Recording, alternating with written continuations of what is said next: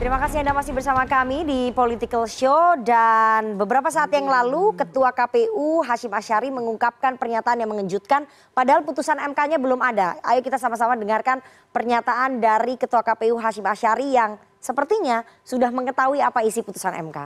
Ush. Konstitusi. Jadi kira-kira bisa diprediksi atau enggak putusan Mahkamah Konstitusi ke depan? Ada kemungkinan, saya belum berani berspekulasi ya, ada kemungkinan kembali ke sistem proporsional daftar calon tertutup. Maka dengan begitu menjadi tidak relevan. Misalkan saya mau nyalon pasang gambar-gambar di pinggir jalan menjadi nggak relevan karena namanya nggak muncul lagi di surat suara dan nggak akan nyoblos lagi nama-nama calon yang akan dicoblos hanya tanda gambar partai politik sebagai peserta pemilu. Sehingga dalam banyak diskusi sering kami sampaikan, kami berharap kita semua menahan diri untuk tidak pasang-pasang gambar dulu. Siapa tahu kemudian sistemnya kembali tertutup. Sudah lumayan kan belanja-belanja untuk pasang baliho, iklan-iklan, nggak tahunya namanya nggak muncul. Ya 50 juga lah. Saya mau tanya dulu ke Nasdem. Bang Willy menang. ini sekjen Anda sampai mengatakan dan beberapa petinggi dari Partai Nasdem mengatakan bahwa Ketua KPU offside. Ya. Karena putusan MK-nya belum keluar, tapi Ketua KPU sudah menyampaikan adanya peluang bahwa kita akan kembali ke sistem proporsional tertutup. kadang-kadang kita kalau di panggung itu sur sendiri. Hah, jadi lupa diri. Hmm, hmm. Penyelenggara KPU itu penyelenggara pemilu menjalankan undang-undang. Hmm. Tidak memiliki etis, tidak memiliki etika, tidak domainnya untuk beropini. Itu salah sesalah-salahnya. Jadi sebaiknya kita menjaga diri, tahu diri di mana dan di- kapan kita harus berbicara. Jadi itu biarkan domain pembentuk undang-undang ya. Jadi toh kalau toh MK sudah putuskan, MK juga tidak bisa langsung turun ke KPU, jadi PKPU juga nggak bisa.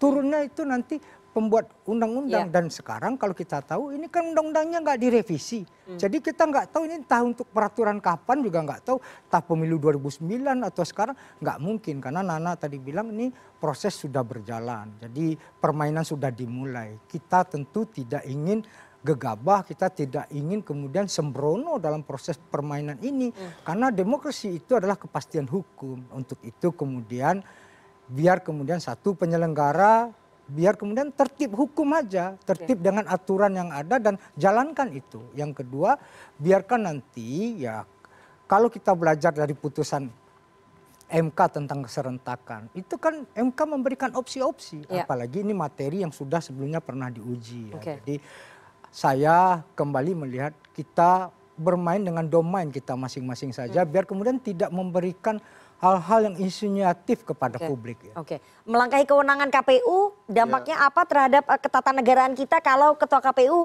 seperti itu, Pak Ferry? Sebenarnya, sebenarnya secara konstitusional dan undang-undang kan eh, pagar-pagar untuk penyelenggara itu sudah ada. Hmm. Di Undang-Undang Dasar pasal 22E itu penyelenggara harus mandiri. Dia tidak boleh menunjukkan apa kesukaannya kepada sistem tertentu, kepada partai tertentu dia harus betul-betul menunjukkan kemandiriannya, tidak kemudian eh, menganut eh, nilai-nilai tertentu. Hmm. Walaupun secara keilmuan oke lah boleh saja, tapi sekali lagi ketua KPU adalah penyelenggara. Dilihat prinsip penyelenggaraan harus profesional. Tindakan itu tidak menunjukkan profesionalitasnya sebagai ketua KPU. Dan saya merasa tidak patut ya dia hadir dalam sidang MK untuk menyampaikan perspektif pribadinya, bukan kehendak yang ditentukan oleh undang-undang dan undang-undang dasar. Ketika dia menyampaikan gagasan pribadinya, uh, mengungkapkan kemungkinan-kemungkinan, dia sudah menunjukkan preferensi politiknya dan itu tidak benar. Oke. Nah, sejauh ini saya melihat memang itikat ketua KPU personal ya saya mau menunjuk bahwa selama ini selalu mengeluarkan pandangan-pandangan pribadi, bukan pandangan kelembagaan, bukan ketentuan yang disebut di dalam undang-undang maupun undang-undang dasar. Jadi tidak benar tindak- tindakan-tindakan yang dilakukan ketua KPU RI. Oke, eh, Bang Andre, apakah kemudian PDIP melihat bahwa Ketua KPU ini seperti punya preferensi tertentu dengan sistem yang kebetulan didukung oleh PDI Perjuangan? Ya, em, saya kira kita harus lihat ketika dia bicara dalam konteksnya. Hmm. Saya sendiri tidak mengikut, tapi tadi saya mendengar penjelasan bahwa apa yang dia beliau lakukan itu di dalam satu forum apa hukum tata negara ya kalau tidak salah. Ya tidak boleh kan, Bang? Ada ada dalam satu forum akademis lah, forum akademis dengan beberapa uh, ada asosiasi ilmu politik Indonesia. Dia menyampaikan bahwa ada kemungkinan bahwa di dalam proses persidangan kan ada bisa bisa putusan ya, bisa putusan tidak kan. Sehingga sebagai pelaku, sebagai pelaku dia mem- mem- apa uh, ya mereka harus mengantisipasi kemungkinan-kemungkinan ini. Karena kalau ada perubahan kan kerja kerja tambahan, kerja kerja berat dan kerja tambahan lagi gitu kan Ke- dari sistem yang sudah ada. Karena karena yang sekarang kan yang dipersiapkan yang seperti ini gitu. Oke. Tapi kalau ada ada perubahan itu buat buat pelaku uh, pelaksana dan pelaku penyelenggara dan kami sebagai pelaku juga harus mengantisipasi itu gitu. Jadi saya terus terang sebagai politisi saya berterima kasih terhadap apa yang beliau sampaikan gitu. Sehingga kita pun kemudian ber- oh harus melihat harus mengapa karena kalau terjadi perubahan kami juga harus merubah merubah pola pola strategi dan apa uh, persiapan kampanye dan yang lain-lain Tapi gitu. itu menimbulkan Sehingga- kegaduhan. Oh, enggak, kegaduhan itu kan soal interpretasi kita aja gitu. Enggak. Bahwa keputusan MK itu harus independen. Bahwa, bahwa yang bikin gaduh kan ya kita-kita yang berdebat soal ini kan. Tapi Nana. kan KPU harusnya independen. Ya, tidak KPU independen. KPU independen dia ngomong dia apa yang dia, beliau sampaikan itu adalah kemungkinan-kemungkinan bahwa di dalam suatu persidangan kemungkinan bisa diputuskan ya, bisa diputuskan tidak Nah, gitu. Saya Oh, pikir bahwa tidak kemudian, bicara soal kemungkinan apa, saja ya. Interpretasi Dia interpretasi kemudian kan mengatakan interpretasi dari kita-kita kemungkinan ini. ada perubahan. Oleh karena itu jangan pasang spanduk dulu. Ya, jangan. Ini ada intervensi teknis Ya. yang semestinya tidak dilakukan. Kalau kalau saya saya berterima kasih terhadap itu. Karena Bapak yang harusnya Bapak harus berterima kasih kepada ketua Kenapa? undang-undang, bukan kepada pilihan kesukaan ketua KPU. Bukan, bukan Dan itu. teknis itu Karena tidak sekarang kan benar. ya- karena Menurut sekarang kan saya terjadi kalau kemudian ini ada di, di- tahapan kampanye, dalam- dia sudah merusak. Orang sudah siap-siap, lalu dia mengatakan tunda dulu semua. dulu pe- pengalaman ketika berubah di dalam ketika ag- agak last minute gitu dan itu banyak banyak me- merubah Ya, apa tapi kan sebagai sekarang masih agak jauh gitu tidak masih agak mungkin dia sekarang kemudian- masih agak jauh masih mendingan gitu Waduh, dan artinya beliau menyampaikan itu artinya apa Kan belum ada DCS, belum ada. Ya, belum ada apa-apa. sementara lebih baik belum lebih ada. baik itu lebih baik itu Nana Nah. sebagai saya kita ini menjalankan undang-undang, Bang. Bukan menjalankan Makanya- omongan ketua KPU. bukan bukan bukan itu bahwa ini sekarang yang Dia terjadi mengatakan yang terjadi bahwa sekarang jangan buat adalah spanduk dulu, Abang malah bersyukur. sekarang Kita tidak menjalankan omongan ketua KPU. Jangan terima kasih kepada Oh, dia. enggak, enggak, Kita enggak. menjalankan Oh, itu- apa kehendak itu undang-undang. interpretasi Anda. Bukan interpretasi, Abang baru interpretasi Anda. Itu interpretasi Anda. Saya kan dalam pelaksanaannya, saya lihat, oh kalau misalnya terjadi perubahan, saya juga harus berantisipasi Loh, Abang dong. percaya omongan ketua KPU atau Bukan, undang-undang? bukan saya percaya kok itu, tapi saya percaya Kalau Abang yang percaya undang-undang, akan diputuskan oleh KPU. siapkan apa yang MK. ditentukan undang-undang. Saya percaya apa yang akan diputuskan oleh MK. Oke, oke, Pak Itu lebih Surudin. penting. MK sudah pernah memutuskan. Ya kalau kalau itu kan soal interpretasi. Tidak soal Oke, itu. eh. Mas- Oh, kalau nanti kalau Sebentar, sebentar, keputusan Bapak-Bapak. MK itu final finding itu Oke, aja Pak gitu. Sururudin, kabarnya ketua MK, eh, ketua KPU akan memberikan kesaksian, akan Iya. mengungkapkan kesaksian.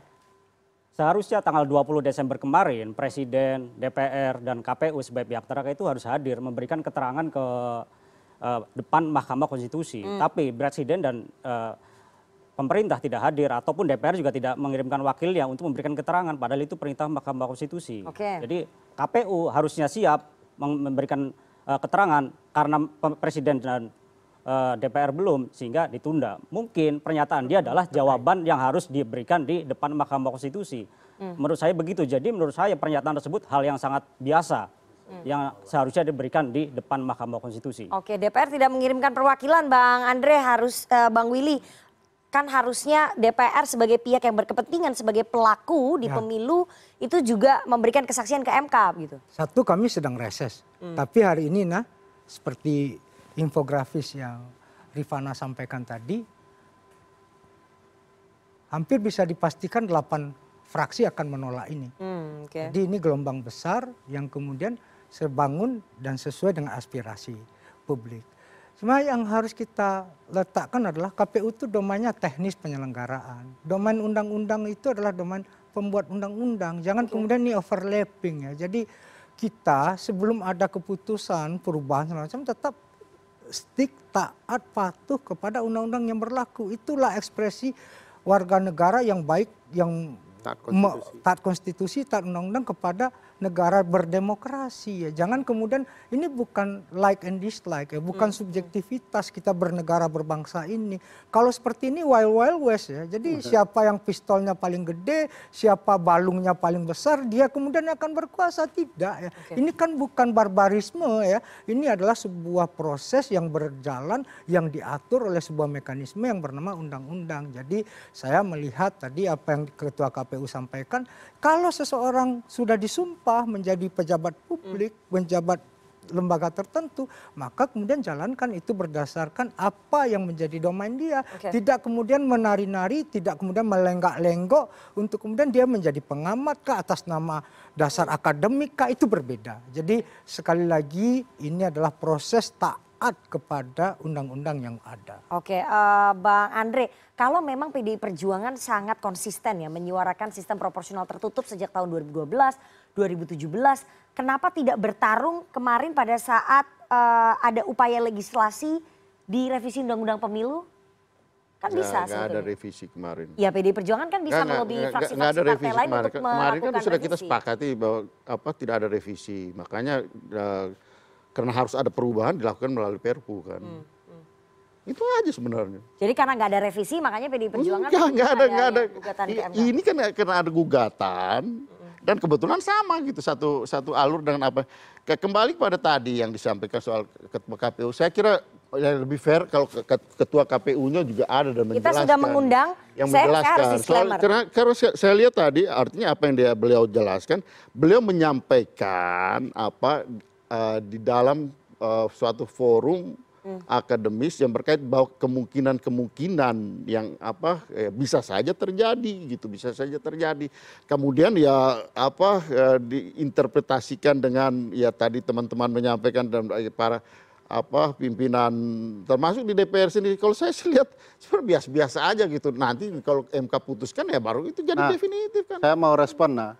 Ketua KPU itu pernyataannya jelas bermasalah. Kenapa? Yang harus dia jalankan adalah putusan MK yang berlaku saat ini. Hmm, Tidak putusan MK yang akan datang yang belum jelas itu. hmm, Oleh karena itu, sebagai pimpinan lembaga penyelenggara pemilu, warga negara yang baik, dia harus mentaati putusan yang saat ini Ya, dinyatakan konstitusional. Pernyataan dia tidak hanya melanggar etik, juga menerabas konstitusi. Oke, oke. Eh, saya mau disclaimer ya bahwa kita eh, kami CNN Indonesia Political Show sudah mengundang Ketua KPU Hashim Asyari untuk hadir baik secara langsung ataupun via Zoom. Tapi yang bersangkutan tidak bersedia untuk hadir, eh, menyatakan tidak bisa hadir dalam dialog kita. Jadi bukannya kami tidak mengundang ya Bang Andre, tapi kita sudah mengundang. Tapi yang bersangkutan Ketua KPU Hashim Asyari tidak bisa hadir. Saya mau ke Bang Willy. Bang Willy, eh, apa sih sebetulnya yang menjadi kekhawatiran partai-partai seperti Nasdem, kemudian Golkar, eh, saya nggak tahu ya kalau partai lain, tapi Nasdem, yang jelas delapan fraksi yang menolak sistem proporsional tertutup, ingin tetap sistem proporsional terbuka. Apakah karena khawatir melihat hasil yang 2019 kemarin, party ID-nya itu rendah, lebih banyak suara caleg dibandingkan suara partai, itu yang menjadi kekhawatiran? Ya, gini nah, kalau kita analogikan, sekarang kita dari Depok, Bekasi ke Jakarta itu sudah naik KRL atau Transjakarta. Terus sekarang disuruh orang naik andong dari Depok dan Bekasi. Mereka harus kerja jam 8, berangkat jam berapa? Ke- habis itu kudanya di mana? Ini kan suatu hal yang sudah maju, modern, dan kemudian itu sepi aja pasarnya, nggak ada gairahnya. Itu 11% party ID itu harusnya jadi pembelajaran bagi kita. Bahwasanya problem representasi ada anything wrong dengan sistem kepartaian kita pada masa lalu. Untuk itulah kemudian dicari cara untuk kemudian bagaimana menggoirahkan itu dia bukalah ruang dialektika bagaimana involvement dari para wakil-wakil rakyat untuk difasilitasi oleh partai politik. Jadi itulah yang menjadi landasan objektif ya. Bahwasanya yang lain ada preferensi is oke aja. Tapi inilah medan pertarungan politik keterbukaan. Siapa yang kemudian sebangun dengan aspirasi publik dan sebangun dengan aspirasi publik itu sendiri. Nah di dalam hal inilah kemudian bagaimana mekanisme kontrol penting. Nah jadi kalau dia wakil rakyat itu bisa directly punishmentnya. Apa punishmentnya? Dia tidak dipilih lagi lima tahun yang akan datang. Tapi kalau dia menjadi wakil partai, punishmentnya tidak ada secara direct. Inilah Hmm. yang saya katakan beli kucing dalam karung itu ya. Dia berakar ke atas tidak kepada ke bawah ya. Nah, apa fungsi partai? Fungsi partai adalah kemudian di sana ada party order namanya. Kalau tadi disangsikan, oh ini tidak mau representasikan. Apa mekanisme partai, disiplin partai tegak dan patuh di sana dalam proses pengambilan keputusan melalui mekanisme paripurna, melalui proses kandidasi, itu semua mekanisme partai berjalan. Jadi ini hajab si Rajab bin Mustajab aja ini, karang-karangan aja ini. Jadi suatu hal yang sebenarnya existingnya sudah tidak ada. Gitu Nana. Oke, eh, Bang Andre, ini pengawasannya akan sulit nanti.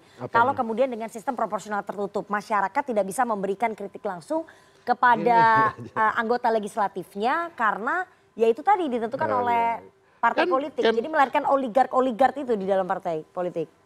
kan kayak gini kan di dalam sistem proporsional tertutup kan juga ditampilkan daftar apa Ya, calegnya ya. kan kalau misalnya partai itu dengan ya itu tadi di- kecurigaan bahwa nanti eh, ini oligarki partai pasti dia tidak akan terpilih lagi tidak akan dipilih lagi di apa di pemilu yang berikutnya gitu jadi ini juga akan untuk men- apa apa eh, memberikan tanggung jawab pada partai ketika me- mengusung calegnya gitu yang kemudian kalau terpilih dia menjadi representasi dari eh, rakyat melalui partai gitu.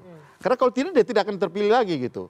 Nah, ya di sini ini soal pilihan, ini soal pilihan aja gitu. Oke. Soal metode untuk memperoleh eh, ket- eh, sistem perwakilan tadi gitu.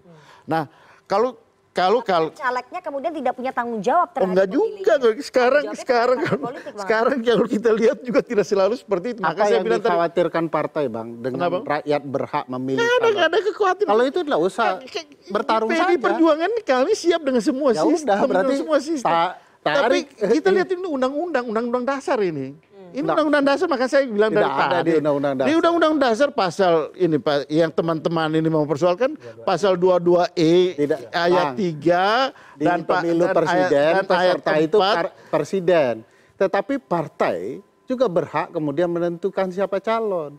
Iya. Kami rakyat juga berhak menentukan. Sekarang kalau partai khawatir betul, silahkan bertarung terbuka di pemilu 2024, kampanyekan. Kami silahkan Anda pilih partai, nanti kami akan menentukan calon. Silahkan kampanyekan kalau memang berani. Rakyat cenderung dalam berbagai Ya, survei bukan- bukan soal lebih suka memilih siapa yang mereka anggap Ya, patut bukti- duduk di Buktinya masih banyak juga yang pilih partai loh. Iya. Artinya lebih lebih jadi sebenarnya per- per- persoalan ini kan ah, apa ya? Artinya Parti ID-nya PDI Perjuangan hasil 2019 berapa? Ya paling tinggi memang PDI Perjuangan. Tapi gini. arti Nah, ID PD Perjuangan tinggi, tapi di, de, di faktanya ada, ada di- kalau anatomi pemilih wilayah- kita hari wilayah- ini wilayah- itu wilayah 80 persen masih orang memilih Pak, individu. orang. Partai itu cuma 20 persen dan itu cuma terkenal kepada PDI Perjuangan, PKS dan P3. Nah inilah yang kemudian tidak apple to apple. Jadi kita harus melihat kebijakan itu dibangun dengan sebuah proyeksi ke depan bukan masa lalu Tapi itu kalau kita- fundamentalisme. kita bicara soal- begini. korespondensi itu yang harus kita lakukan. Mana prinsip-prinsip kedaulatan rakyat itu harus kemudian kita letakkan bahwasanya rakyat kemudian lebih suka, lebih cenderung memilih orang karena mekanisme punishmentnya, reward and punishmentnya terjadi secara langsung untuk kemudian proses kita berdemokrasi itu bergairah. Kalau itu orang milih partai langsung tutup toko. Hari ini aja megap-megap. Begitu orang nyoblos partai walaupun ada part listnya di depan eh, TPS, ini apa-apaan ini kata orang. Jadi Oke. itu Jadi ada ikatan sederhananya, Nak. ikatan antara pemilih dengan yang dipilih. Sa- begitu saya ya? mau menyederhanakan nah. Jadi begini, bahwa proporsional terbuka itu rakyat memilih siapa calonnya. Proporsional tertutup ketua umum partai yang menentukan Ya. siapa yang duduk. Jadi sederhana, tentu rakyat suka memilih karena kecenderungannya begitu ketua partai menentukan siapa yang terpilih, bisa saja itu orang tidak pernah hidup di dapilnya, Hmm. bekerja untuk dapilnya. Jadi orang merasa siapa dia mewakili kita. Oke. sekarang ya begini. sekarang yang terjadi Jadi justru banyak seperti tadi kan itu. selalu bilang Yang bahwa beli kucing dalam itu. karung. Sekarang kita udah beli kucing di luar karung. Kucingnya udah kelihatan. Apakah dia bisa bekerja? Ini jadi masalah kita sebagai pemohon. Udah kita tahu kucingnya nih ada warna kucing oranye, ada kucing hitam, ada kucing putih. Itu udah tahu. Tapi kucing ini toh sama ju- juga tidak bisa bekerja, tidak bisa menjaga lumbung padi kita, tidak bisa menjaga menge- mengejar tikus. Yang dia apa? Kucing ini sukanya bersolek, berdandan agar dipilih. Dari 575 Membagi-bagi anggota uang. DPR semuanya Nah, begitu. jadi Anda begini, bukan itu. Jangan Ini kan salahkan rakyat dengan main kucing-kucingan ini ya. begini, jadi Karena bagaimanapun itu pasti proses apa? partai. Dari 2019 sampai sekarang. Salahkan 2009 partainya, jangan rakyat sekarang, memilihnya Partai dong. melemah, partai tidak bisa mengontrol kucing-kucing yang sudah berlarian. Dia berlari ke sana kemari, tidak bisa dikontrol. Yang bisa kontrol siapa? Rakyat, tidak bisa sama sekali. Kita mencoblos pada saat lima tahun sekali. Toh, Karena dia hanya bagi-bagi itu duit, kesalahan lain. dia. Nah, politik, kesalahannya korupsi, adalah rakyat berhak memilih, tapi yang berhak memecat ketua partai. Coba yang berhak memecat juga rakyat. Itu akan lain ceritanya. Jadi itulah partai Nggak harus bisa. memodernisasi diri Undang-Undang Parpol dari tahun 2008 sampai tapi sekarang. gaya lama, bagaimana memodernisasi diri kalau Karena gayanya orang gaya lama? mempercantik diri sendiri, bukan mempercantik baik. rumahnya. Yang mempercantik itu partai. Oke. Makanya rumahnya harus dijaga dulu. Oke, Jangan buru-buru orang Oke, ini menjadi Bapak-bapak. kucing terus-menerus. Ya, Bapak-bapak, kita akan tanya kepada perwakilan teman-teman mahasiswa yang nanti akan memberikan suaranya pada pemilu 2024. Apakah teman-teman pemilih muda yang jumlahnya 60% ini lebih suka memilih ataupun mencoblos partai politik atau mencoblos calon anggota legislasi eh, yang bisa mereka titipkan pesan soal eh, persoalan-persoalan di dapilnya. Nanti kita akan tanya ke teman-teman mahasiswa. Jangan ke mana-mana, tetap bersama kami di Political Show.